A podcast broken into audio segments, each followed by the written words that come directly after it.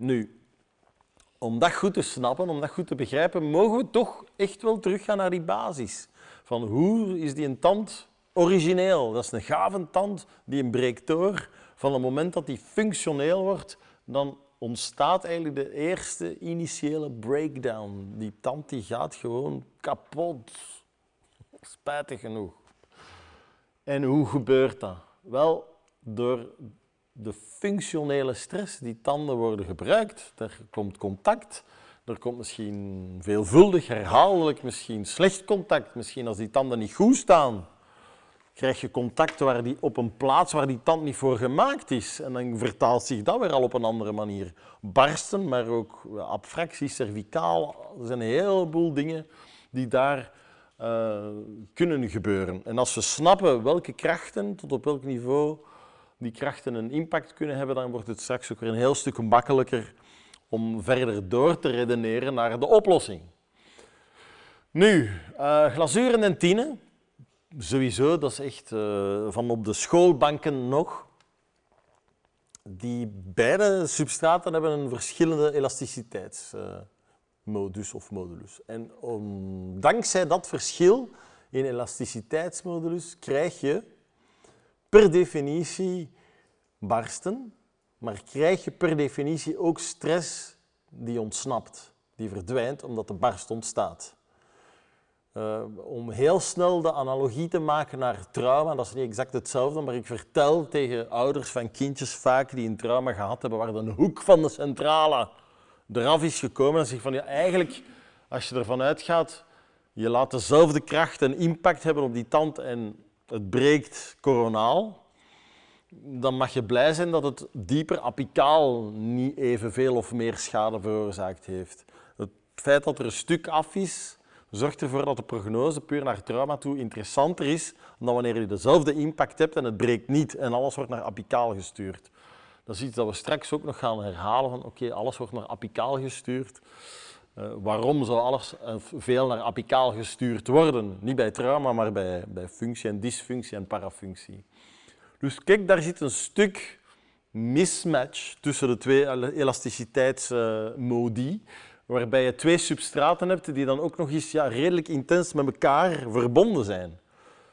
Dat zorgt voor kleine microscopische barstjes, maar gelukkig, gelukkig is dat eigenlijk ook een deel van de oplossing. Dankzij die barstjes ontstaat er een, een ontlasting van die tand. Gewoon die stress verdwijnt, het barstje ontstaat, stress is weg. Dat is fysiologisch, die gegevens. Iedereen heeft zo'n barsten. Nu, dan zou je nog het onderscheid kunnen maken tussen barsten die starten aan de oppervlakte, die gaan van buiten naar binnen, en barstjes die van binnen naar buiten gaan. Of ik bedoel, startend van de dentino-enamel complex naar de glazuurlaag toe. Eerst voor de hand liggende van binnen naar buiten. Waarom? Hoe komt dat? Wel, de oorzaak daarvan zijn enamel tufts. Dat zijn eigenlijk hypogemineraliseerde lintvormige structuren die starten op de glazuur-dentinegrens en in het glazuur lopen. Dat is een zwakke schakel. Dat wordt zwaar belast, het breekt in de diepte en gaat vandaar up, naar buiten. Dat is één, één verklaring en de belangrijkste verklaring voor die kleine fysiologische barstjes. Tweede type barst is dan eentje die van buiten naar binnen gaat. Als ik die even terug mag herhalen, mijn excuses, van buiten naar binnen. Zo. Hoppa. Dan hopen we er vaak ook op dat die binnen die glazuurlaag gaat stoppen en minstens op de glazuur-dentinegrens gaat stoppen en misschien zelfs gaat afwijken in een interessantere component, behalve, en dus niet de verticale component. Nu, hoe kan een barst aan de oppervlakte ontstaan? Wel, daarvoor heb je vaak initieel oppervlaktedefecten. Die tand is niet gaaf natuurlijk. Daar zitten kleine ontwikkelingsdefectjes in dat glazuur. En als dat glazuur zwaar belast wordt, gaat een zwakke zone daar de aanzet zijn voor de barst die vandaar hup, naar binnen gaat. En dan krijg je dit. Je hebt enerzijds heb je kleine barstjes die verticaal lopen, zo. En dan heb je er ook kleine die verticaal lopen, zoals hier, maar waar dan ook voor een stuk de kleuren net iets anders is. De linkse op het beeld is eentje die al wat kleurstof heeft opgenomen, dus die is aan de oppervlakte staat die iets wijder, die staat iets breder open, dus die heeft wat kleurstof kunnen opnemen. Maar voor de rest is, is die over en dat is cruciaal voor later straks belangrijk. Belangrijk is dat die barstjes recht zijn, maar echt recht en over gans de lengte even smal zijn. Dat is eerder geruststellend in zo'n geval als je zoiets beoordeelt. Ja? Het andere barstje, hier, dat witte barstje, daar kan je van uitgaan dat dat eentje is dat dieper zit, maar aan de oppervlakte niet zo wijd open staat.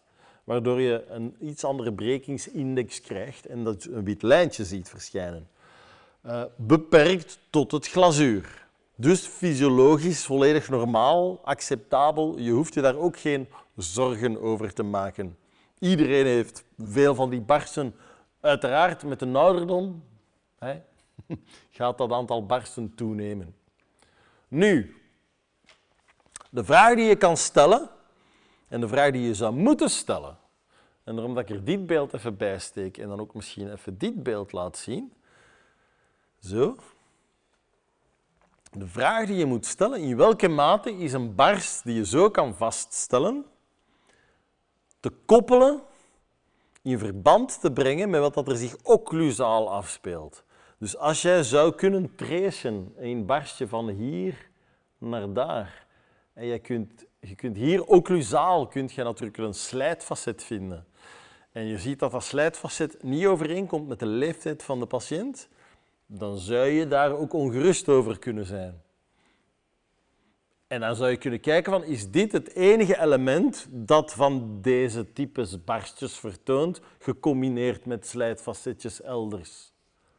Dat hè, geeft jou een indicatie van, ja, maar hoe, hoe dynamisch is dat daar in die mond? Is dat ene die er nogal stevig tegenaan gaat en frequent tegenaan gaat? Of is dat gewoon ja, puur de leeftijd?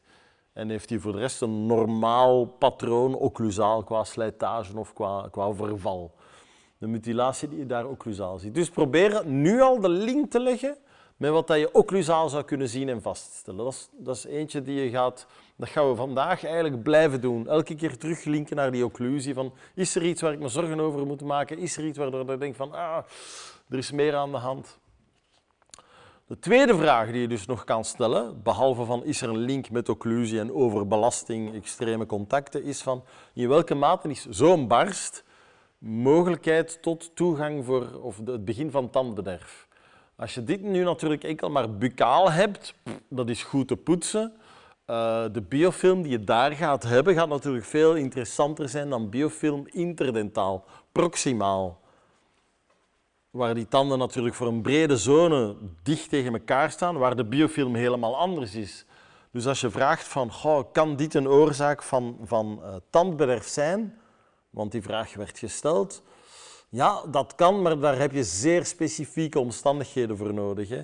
Dus dan heb je echt veel suiker nodig. Echt een, echt een vieze, vettige patiënt die echt niet goed poetst en echt... Uh,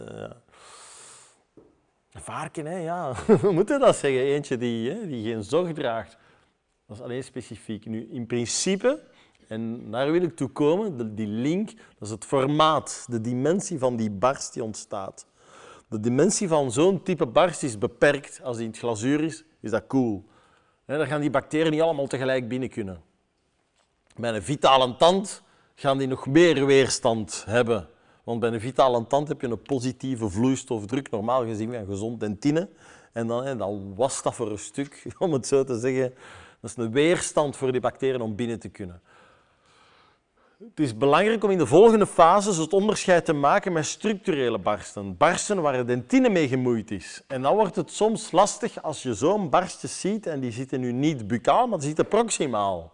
En dan kan je alleen maar dat, dat vlak beoordelen van occlusaal uit. Je ziet die marginale randlijst, maar voor de rest, ja, je kunt daar, niet, je kunt daar zomaar niet tussen kijken. Dus als je snapt van hoe ontstaan ze, waar zitten ze, welke dimensie hebben ze, hoe kan ik het onderscheid maken tussen een glazuurbarst en een dentinebarst, dan zijn we weer een hele stap dichter bij een hele goede objectieve diagnose. Maar daar gaan we dus toe komen. Dus dit is nog altijd chill. We zitten nog altijd safe, we zitten nog altijd goed.